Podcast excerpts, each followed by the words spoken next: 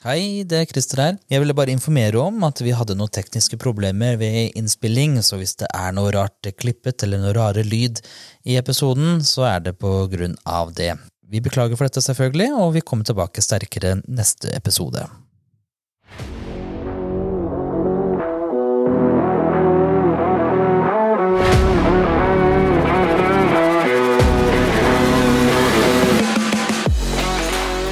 Du hører på Premier League-podden med Christer Lundqvist og Daniel Nyland.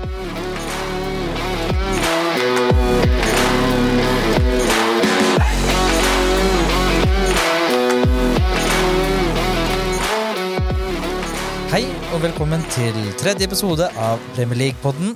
Jeg heter da Christer, og jeg sitter her med Daniel. Hei, jeg er Christer. Ja, Daniel, da er vi tilbake igjen, egentlig ganske så ikke altfor kortist. Nei, det var eh, overgangsspesialer nå, nå nylig. Så Ja. nå er vi tilbake med en ny, vanlig episode denne gangen. Ja, for nå er det snart Premier League tilbake igjen. Takk og lov, tenker jeg. Vi spiller jo inn eh, noen par timer før første kamp. Det gjør vi, så i den runden i midtuka her, den, eh, den er foreløpig i det blå. Men eh, det blir spennende å se åssen den går. Men vi fokuserer vel litt på FA-cupen nå i denne, som har vært i denne helga, og ser litt på kampene som kommer til helga. Ja. Så eh, vi får se om de kampene som spilles i midtuka her nå blir eventuelt tatt opp og snakket om i neste uke. Det, det blir det helt sikkert hvis det er noen spennende resultater der. Men da kan vi jo rett og slett bare hoppe over til runden som var, FA-cup. Jepp.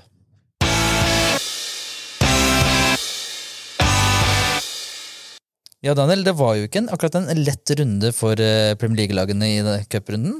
Nei, det, de fleste laga fikk jo egentlig overkommelig motstand, men eh, de laga fra, fra lavere divisjoner her har virkelig sparka fra seg.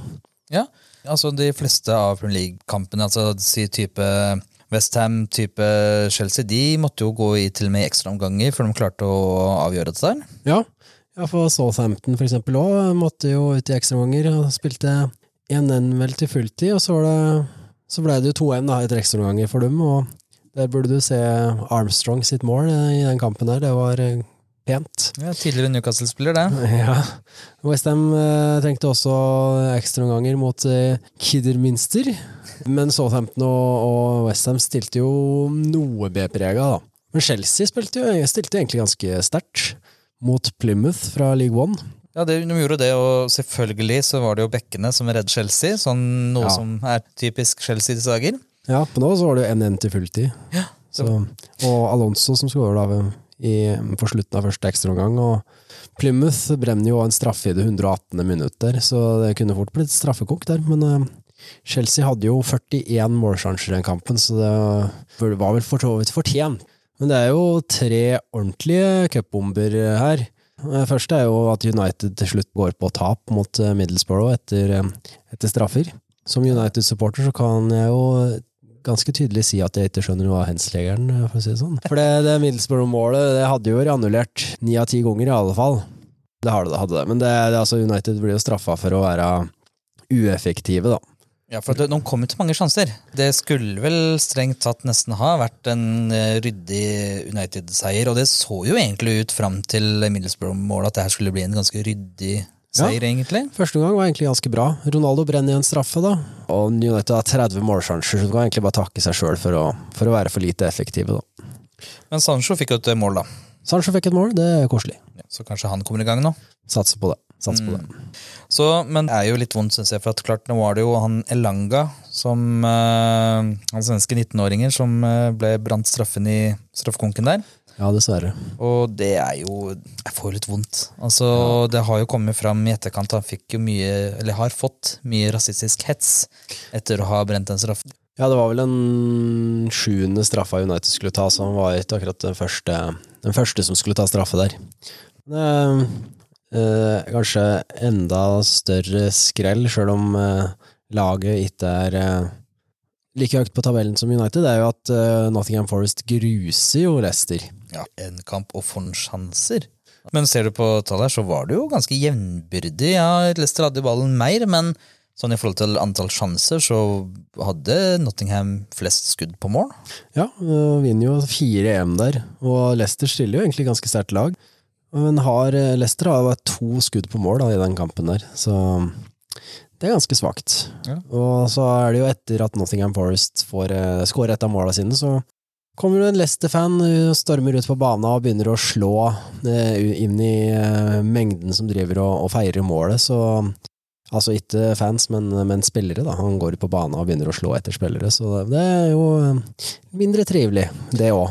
Ja, det er bare stygt, men hva skal jeg si, det, det var jo fortjent tap, for det, det var jo et håpløst forsvar som stilte opp der. Det var jo preget av tabbe etter tabbe, og jeg tror det ene målet på corneren der, det, det virka som ikke de ville. Det var jo ikke noe hvor det var ikke noe Leicester-forsvaret har jo sett ut som en skygge av seg sjøl denne sesongen her. Det, det har vært vært mye svake prestasjoner, og har jo hatt en del skader, men allikevel, det har det har vært dårlig.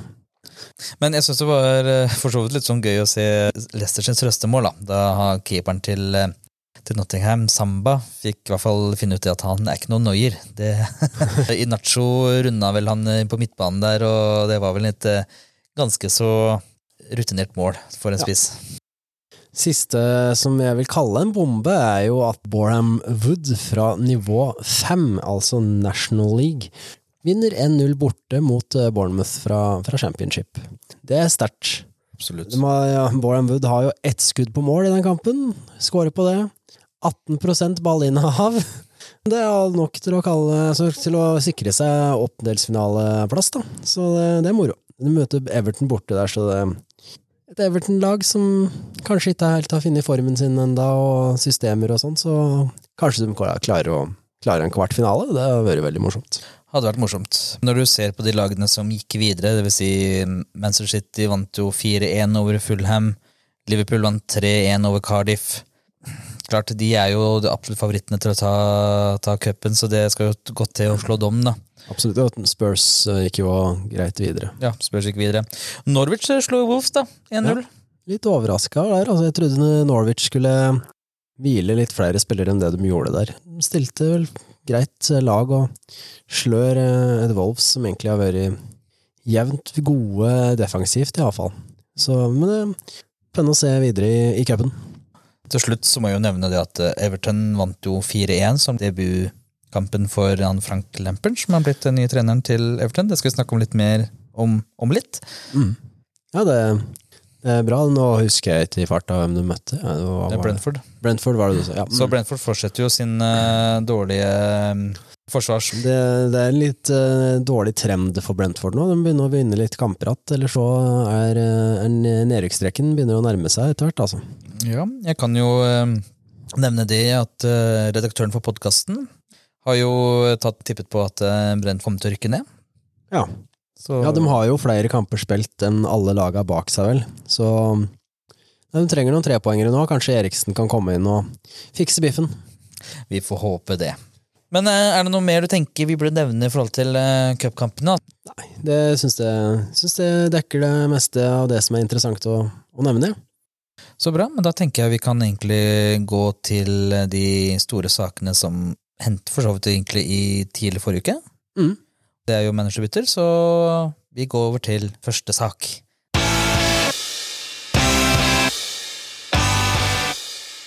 Yes, Christer, du har jo sett litt på Everton sin nye manageransettelse, og der har jo øh, selveste Frank Lampard øh, kommet inn og tatt over.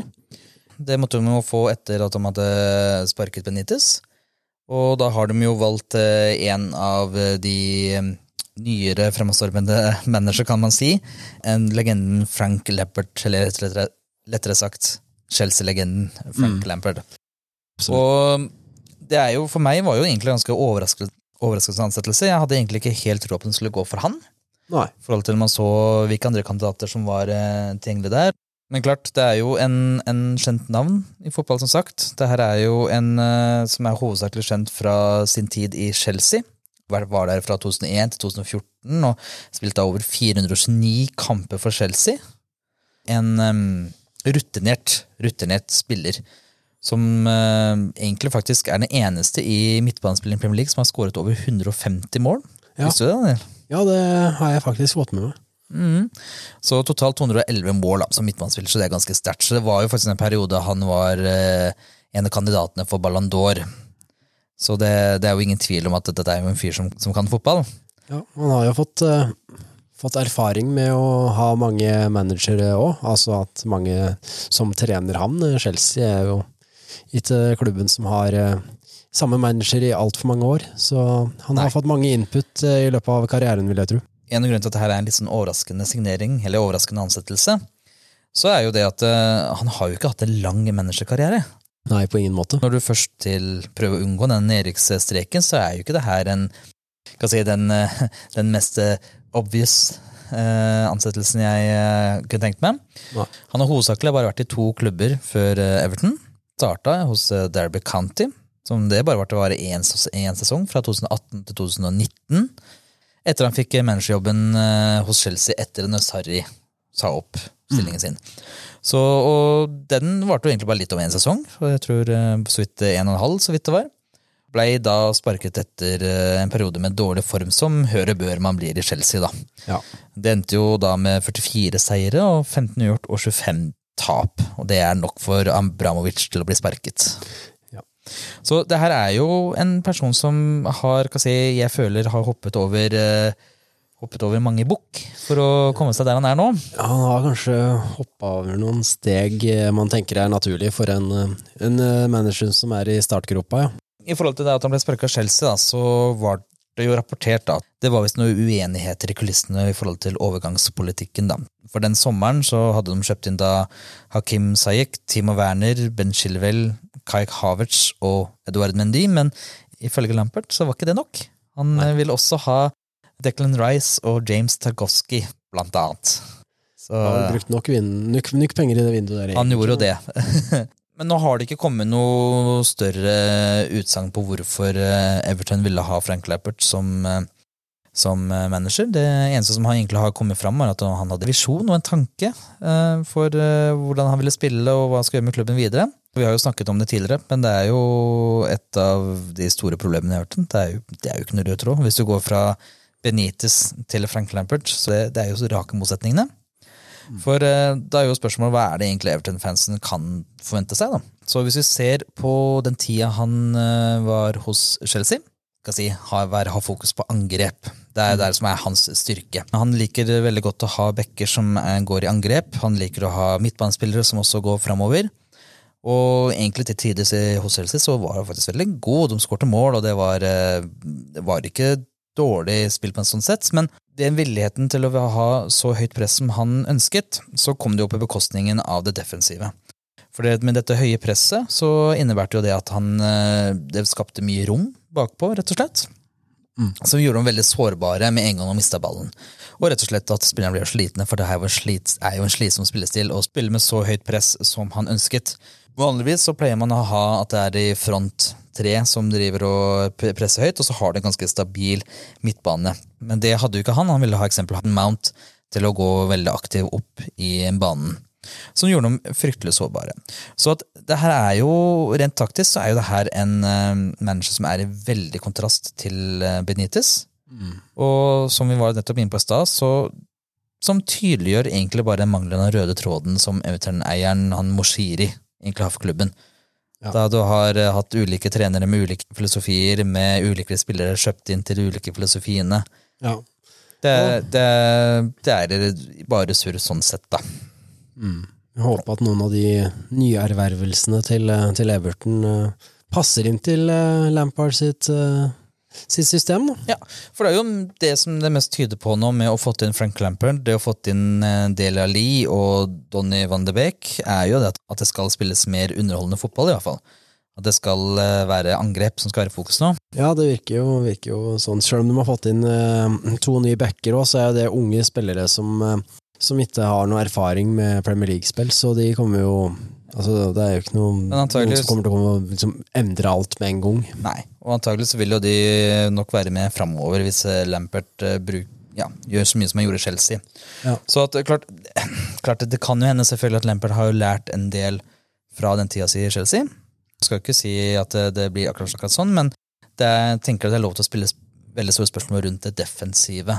Fordi det har jo vært en av de store utfordringene denne høsten her har jo vært Forsvaret. Ja, til og med under Benitez så klarer de på en måte ikke å holde nullen, eh, sjøl med det forsvaret de egentlig har, som har vært ganske bra tidligere. Iallfall i fjor mener jeg at de hadde et forsvar som, eh, som gjorde det ganske bra. Så det at Benitez ikke får det til, eh, det tyder jo på en måte egentlig ikke på at det er noe Frank Lampard skal kunne fikse, kanskje.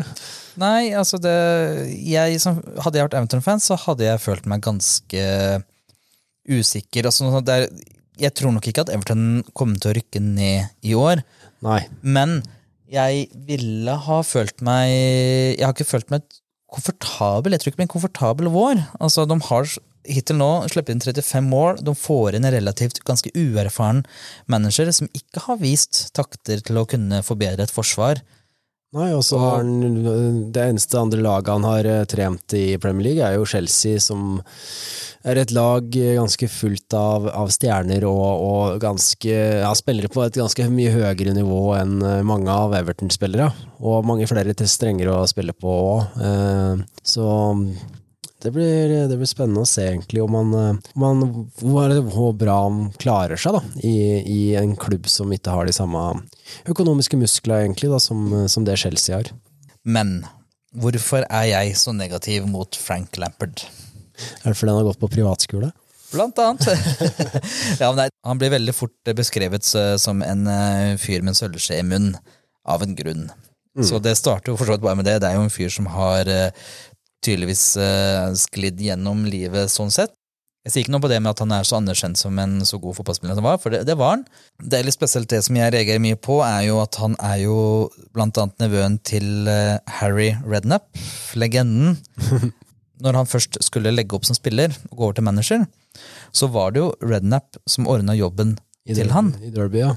Men ikke bare i Derby. Det starta, Han fikk først det tilbudet eh, hos Ipswich. Og, men problemet var jo det at, som han sjøl sa, han, eh, Frank Leppard, at eh, Ips, Ipswich har jo ikke budsjett for at han skulle kjøpe inn nye spillere, så han visste ikke helt hva han skulle kunne, få til den klubben der. Så Derfor kunne ikke han ta det som sin første jobb. Han Kommer jo onkel Harry og fikser. Yes, Og så ble da Derby-stillingen ledig, som har bedre økonomi enn Ipswich, og da fiksa da Rednup den jobben i stedet for. Ja, Se åssen det går med Derby nå. Ja, se hvordan det går med Derby nå.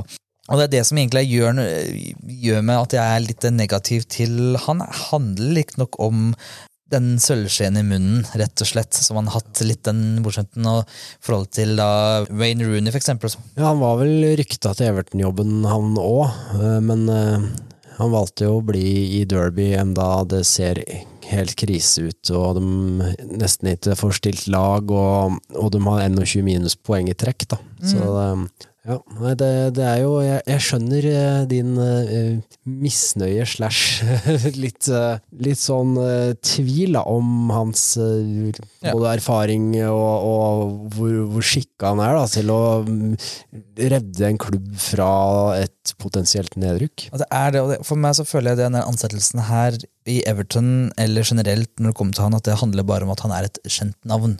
Det er å få inn et navn. Han lever på det. Og jeg tror det som gjør meg litt sånn problematisk, at det finnes mange gode mennesker ute som på en måte virkelig jobber seg framover og liksom virkelig prøver å bevise og bruke er egentlig mye mer kompetent til å ta de stillingene som han får servert, bare fordi at han er Frank Lampard. Ja, ja. Og det, det, jeg tror det er det som provoserer meg litt. Så det jeg vil anbefale, er hvis dere kjenner litt at ah, Christer har et eh, poeng, fasen nå, nå, dette ble jeg litt irritert på så anbefaler jeg at dere tar og sjekker eh, episode 121 i PL-kvarteret med Lars Diversen. Mm. For der har han en egen episode dedikert til Frank Lampard, som nettopp går gjennom de sakene som jeg så vidt har snakket om nå. Så hvis du er litt usikker på om du faktisk eh, misliker Frank Lampard, så hør på den episoden der. Skal vi se også du òg til og med begynner å bli litt sånn eh, skeptisk, skeptisk til eh, prosjekt til Lampard.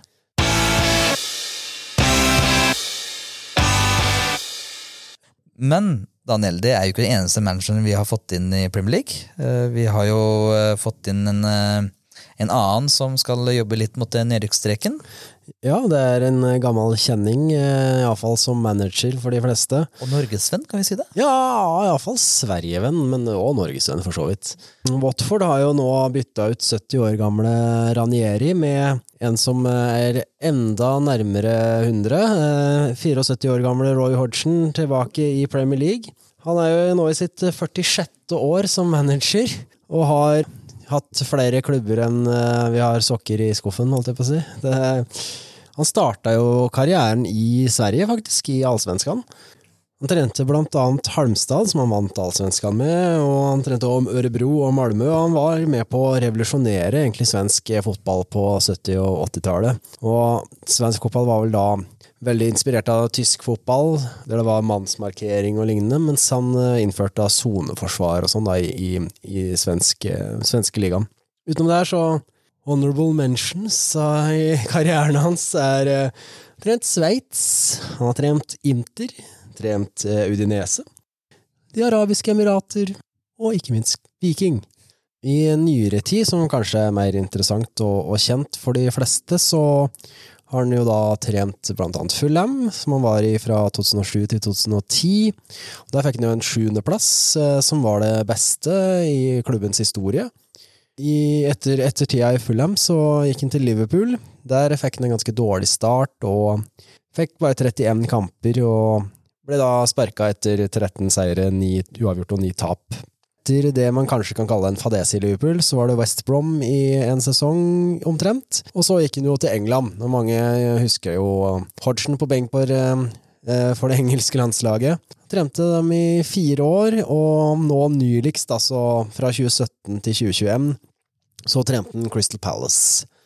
Man kan vel egentlig si at han klarte på en måte å få stabilisert eh, Crystal Palace litt. Det var liksom ikke sprudlende fotball alltid, men de ble iallfall stabile og klarte som regel å holde seg litt unna nedrykkskampen, som eh, Palace eh, var i en del tidligere, og Rykka har jo vært nede òg. Nå er det jo da Watford som har eh, fått ansatt eh, Hodgson. Eh, Pensjonerte han seg egentlig ikke etter Crystal Palace? det er akkurat det. Det var egentlig en sånn perfect story at han, eh, han har jo spilt for Crystal Palace, og så Ja. skulle han ende karrieren da i Crystal Palace, og endte jo da i trenerkarrieren sin i Palace med å møte Liverpool. Tydeligvis. Nå er han tilbake fra pensjonisttilværelsen og til Watford, da. Altså, I Palace da så var det 162 kamper. 54 seire, 38 uavgjort og 70 tap. Så det tyder jo på at det var jo ikke det, et lag som vant altfor mange kamper, men eh, de klarte å stabilisere seg. I liksom intervjuer og sånn så har jo Roy Hodgson liksom prata om hva, litt hva som er viktig for han som manager, da. Det er tydelige tenkt på, altså det han sier her i intervjuet, er tydelig tenkt på hva han måte står for som manager, da, og åssen han vil at laget skal opptre, og enkeltspillere skal opptre i et lag. Og der er det at man skal være uselvisk og måte ha utvikle lagmoral da, og, og ha liksom kjempe for hverandre. Og holde seg til prinsipper som er satt, og være lo lojal. Det er jo alt sånne ting som på en måte er liksom man management, at man skal bygge opp spillere mer enn å mer enn å på en måte gjøre en si noe feil i media som kanskje trykker spillere ned, som uh, kanskje andre managere tenker på som kan være utviklende i det lange løp. Han her er mer hands on og skal, uh, skal bygge moralen, da. Så han er gamleskolen med stor Ja. G, da, rett og slett. Ja, egentlig. Selv om han da og har sagt i intervjuer at han er ikke så glad i å bli kalt gammeldags. Å, nei. Nei, men um, han har jo sagt at I like players who work hard, I like players to get back in position. Så eh, hva er det egentlig Watford får her, da? Hva er, liksom, hva er det sannsynligvis styret har tenkt på når de har ansatt han? For det første så får de jo så klart en veldig erfaren manager. Han har som sagt 46 år som manager bak seg. Bør- Både større og mindre jobber, men eh, har jo god erfaring med Premier League òg har eh, vært i vanskelige nedrykkssituasjoner før, og som regel egentlig klart seg bra i de situasjonene. Han kan òg organisere et lag. Watford har jo skåret en del, altså ikke mye, men de har skåret 23 mål. Brighton på niendeplass har òg skåret 23 mål. Og Wolves, som er på åttendeplass, har skåret 19 mål. Ja, ikke sant. Så problemet til Watford er jo at de ikke har klart å tette igjen bakover. 23 mål skåret, det, man tenker altså, det er jo på ingen måte mye, men det, fall, det burde være nok egentlig til å komme høyere på tabellen enn det de er. For de har sluppet inn 40 mål. Det er bare Norwich og Newcastle som har sluppet inn mer. Så det er jo ingen tvil om at det er der skoen trykker for Watford. De må tette igjen bakover, og så klart vinne kamper. Men først og fremst må Forsvaret kunne organiseres på en bedre måte enn det det har gjort. Og en skulle egentlig tro at kanskje Ranieri skulle klare det her, men kanskje Hodgson får det til, da, med den uh, troppen og de nye um, spillerne inn. Men ja, som sagt, han bygger opp og støtter spillere, og det er ikke noe feil i det i en uh, sånn situasjon som det Watford er i nå. Men hva tenker du, Daniel? Klart, nå har han tatt en jobb hos eiere som sparker manager lettere enn Abramovic gjør. Kommer Roy Hodgson til å være Watford-manager til høsten, tror du? Nei, det tror jeg ikke. Det, det tviler jeg på. Jeg tror jo egentlig Watford rykker ned. Tror jeg de har en ny manager til høsten. Men hvis de klarer å holde seg oppe, kommer de til å beholde den da? Nei, det er vanskelig å si. Kanskje. Kanskje de beholder den til november eller sånt, og da får han sparken. Ja. Til de første tapsrekka kommer? Ja, det er akkurat det. det er akkurat det. Egentlig gjør jo Watford en logisk og riktig ansettelse i mine øyne, iallfall. Er, kommer inn en erfaren type, har masse erfaring fra Premier League og andre klubber òg. Erfaring med situasjonen klubben er i. Kan liksom det å bygge lag og bygge moral og sette et kompakt og bra forsvar. De klarte jo, og klarte jo 0-0 mot, borte mot Burnley nå i, i, hans første kamp, og det, det var jo en særs viktig kamp å ikke tape, iallfall. Men ja, nei, det blir spennende å se videre. Jeg tror jo som sagt at det er at Roys redningspatrulje kommer inn for seint her. De har tross alt 15 poeng på 21 kamper. Newcastle har styrka laget veldig. Everton ligger jo dårlig an, men jeg ser jo ikke dem rykke ned egentlig med den troppen de har. Og så Håpet deres er jo å komme over Burnley og Norwich, men det er jo ikke nok. Så du må, sånn jeg ser det, komme over enten Leeds eller Brentford i tillegg.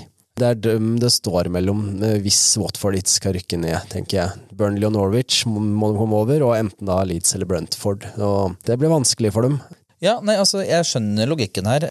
Og så synes jeg Man kan kanskje stille spørsmålstegn om eh, Roy Hodgson og Raneri. Hvem er det som egentlig er en bedre manager? Jeg syns fortsatt at det er en interessant avgjørelse både det at Roy Hodgson tar jobben, for det første.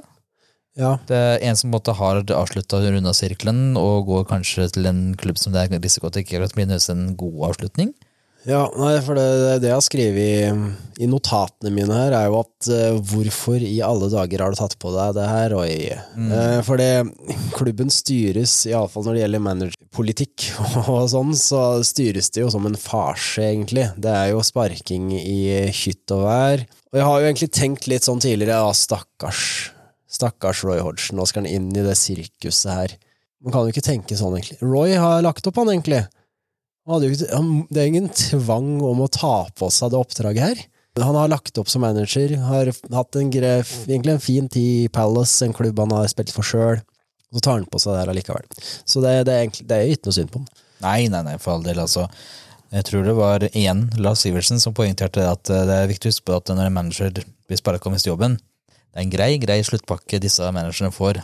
Det... Som regel er det jo det, men uh, han har vel litt salt i grøten fra før. Men uh, ja, nei. Jeg klarer han å redde Watford, da, så, så, så, er det jo det godt gjort, iallfall. Og det, det, kommer til å se bra ut uh, for han, det. Men nei. Men nei, jeg tror egentlig det er litt for seint, i tillegg til at, at det, er, det, det er merkelig, rett og slett, at han tar jobben. Ja, vi har jo gått gjennom overgangene til Watford i vår spesialepisode. Eh, og med tanke på de spillerne tok inn i Forsvaret for å styrke det, sammen med Roy Hodgson, så jeg, jeg tror nok jeg skal bli ganske overrasket hvis Watford ikke rykker ned denne sesongen her, jeg altså. Ja, jeg òg. Det, det, har skjedd større mirakler, uten tvil, men uh, Burnley og, og Norwich uh, går nok ned, og jeg blir, overraska hvis Watford ikke blir en tredje, egentlig. Litt sånn kjempeoverraska, men ja. Det blir nok dem. Jeg unner Røy Hodgson veldig mye, men den jobben der burde han ikke ha tatt. Konkluderer med det. Ja, jeg syns det er merkelig. 74 år og kunne bare levd livets glade dager de siste åra. Men eh, ja, nei. Sånn har, sånn har det altså blitt. Det er noe med det å være i media, Lise.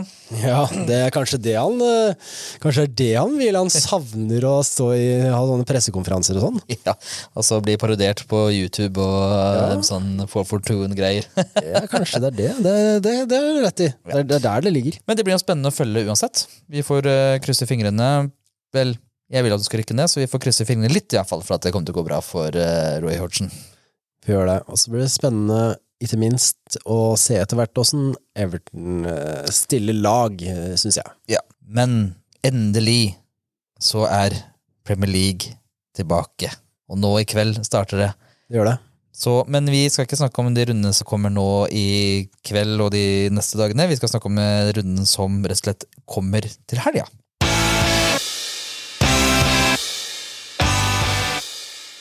Ja, som alltid så skal vi ta og se litt eh, framover og se, ta fram hvilke kamper vi gleder oss til. De som har kanskje vi tenker blir de mest underholdende og verdt å bruke en par timer på å se.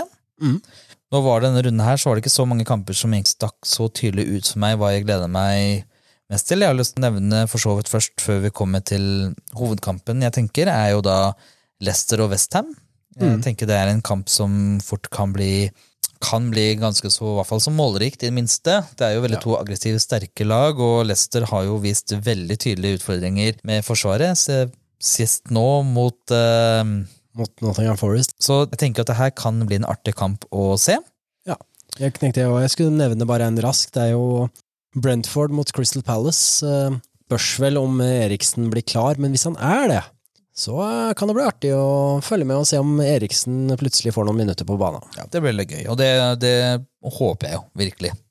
Men vi har jo faktisk denne gangen valgt samme kamp å se fram til. Ja, Everton Leeds. Det er jo eh, Altså, hvis, eh, som jeg var inne på litt tidligere i episoden her, hvis Frank Lampert skal fortsette med den angrepsfotballen som han ønsker å spille, så ligger jo dette her veldig an til å bli en ganske artig kamp. Vi alle vet jo at Bjelsa er jo glad i å spille angrepsfotball egentlig like stor grad som Frank Lambert, så da, det her kan jo bli en veldig underholdende kamp, tenker jeg. Jeg tenker også, Det blir spennende å se hvordan Everton egentlig stiller her. Det, um, midtukekampen kan jo komme litt for brått på, på en måte, få på en del av de signeringene de har gjort.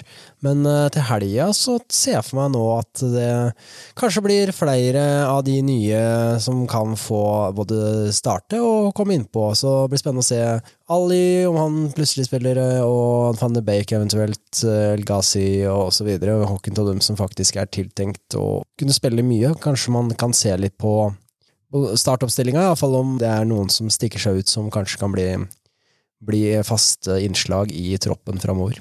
Ja, og så er jeg alltid like spent å se på Leeds, om eh, de endrer litt med stilen i forhold til å ta litt hensyn til forsvar, eller om de skal rett og slett bare beseire ild med ild. Ja. Hva tenker du, Daniel? Hva blir resultatet på den kampen her? Det tipper jeg blir 3-1 til Everton. Ja, du gjør det, ja. Ja. Du, jeg tror jeg går faktisk her for en 2-2, jeg. ja. Like mange mål. Mm. Over 3,5 med andre ord. Jepps. Håpløst forsvar, men mye mål. Ja, ja det blir, det blir fort en artig kamp uansett. Det er det jeg også tenker. Eller håper på, heter det. det er, Ja, jeg håper det òg. Håper det òg. Men eh, når vi da først veit vet hvilke kamper som kommer, Daniel, så kan vi like godt bare hoppe over til vår faste spalte, ukens trippel.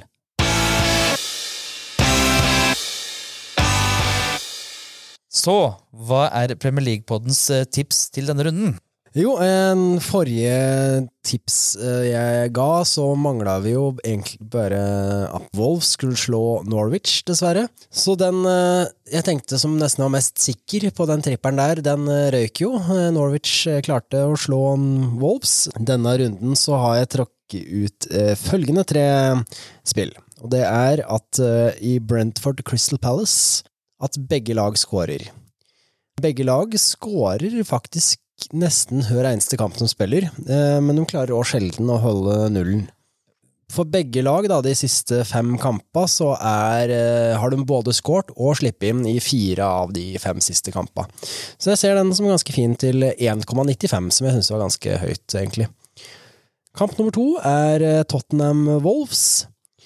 Og jeg føler egentlig nå at Spurs begynner å se litt mer stabil stabile ut, eh, kanskje. Og jeg syns det ser bra ut, mye av det Spurs gjør for tida. Kane begynner å komme i skåringsformat, og Wolves tapte jo nå mot Norwich, som nevnt. Eh, Så Sånn er vel meldt å komme tilbake på trening. Er han klar til den kampen her?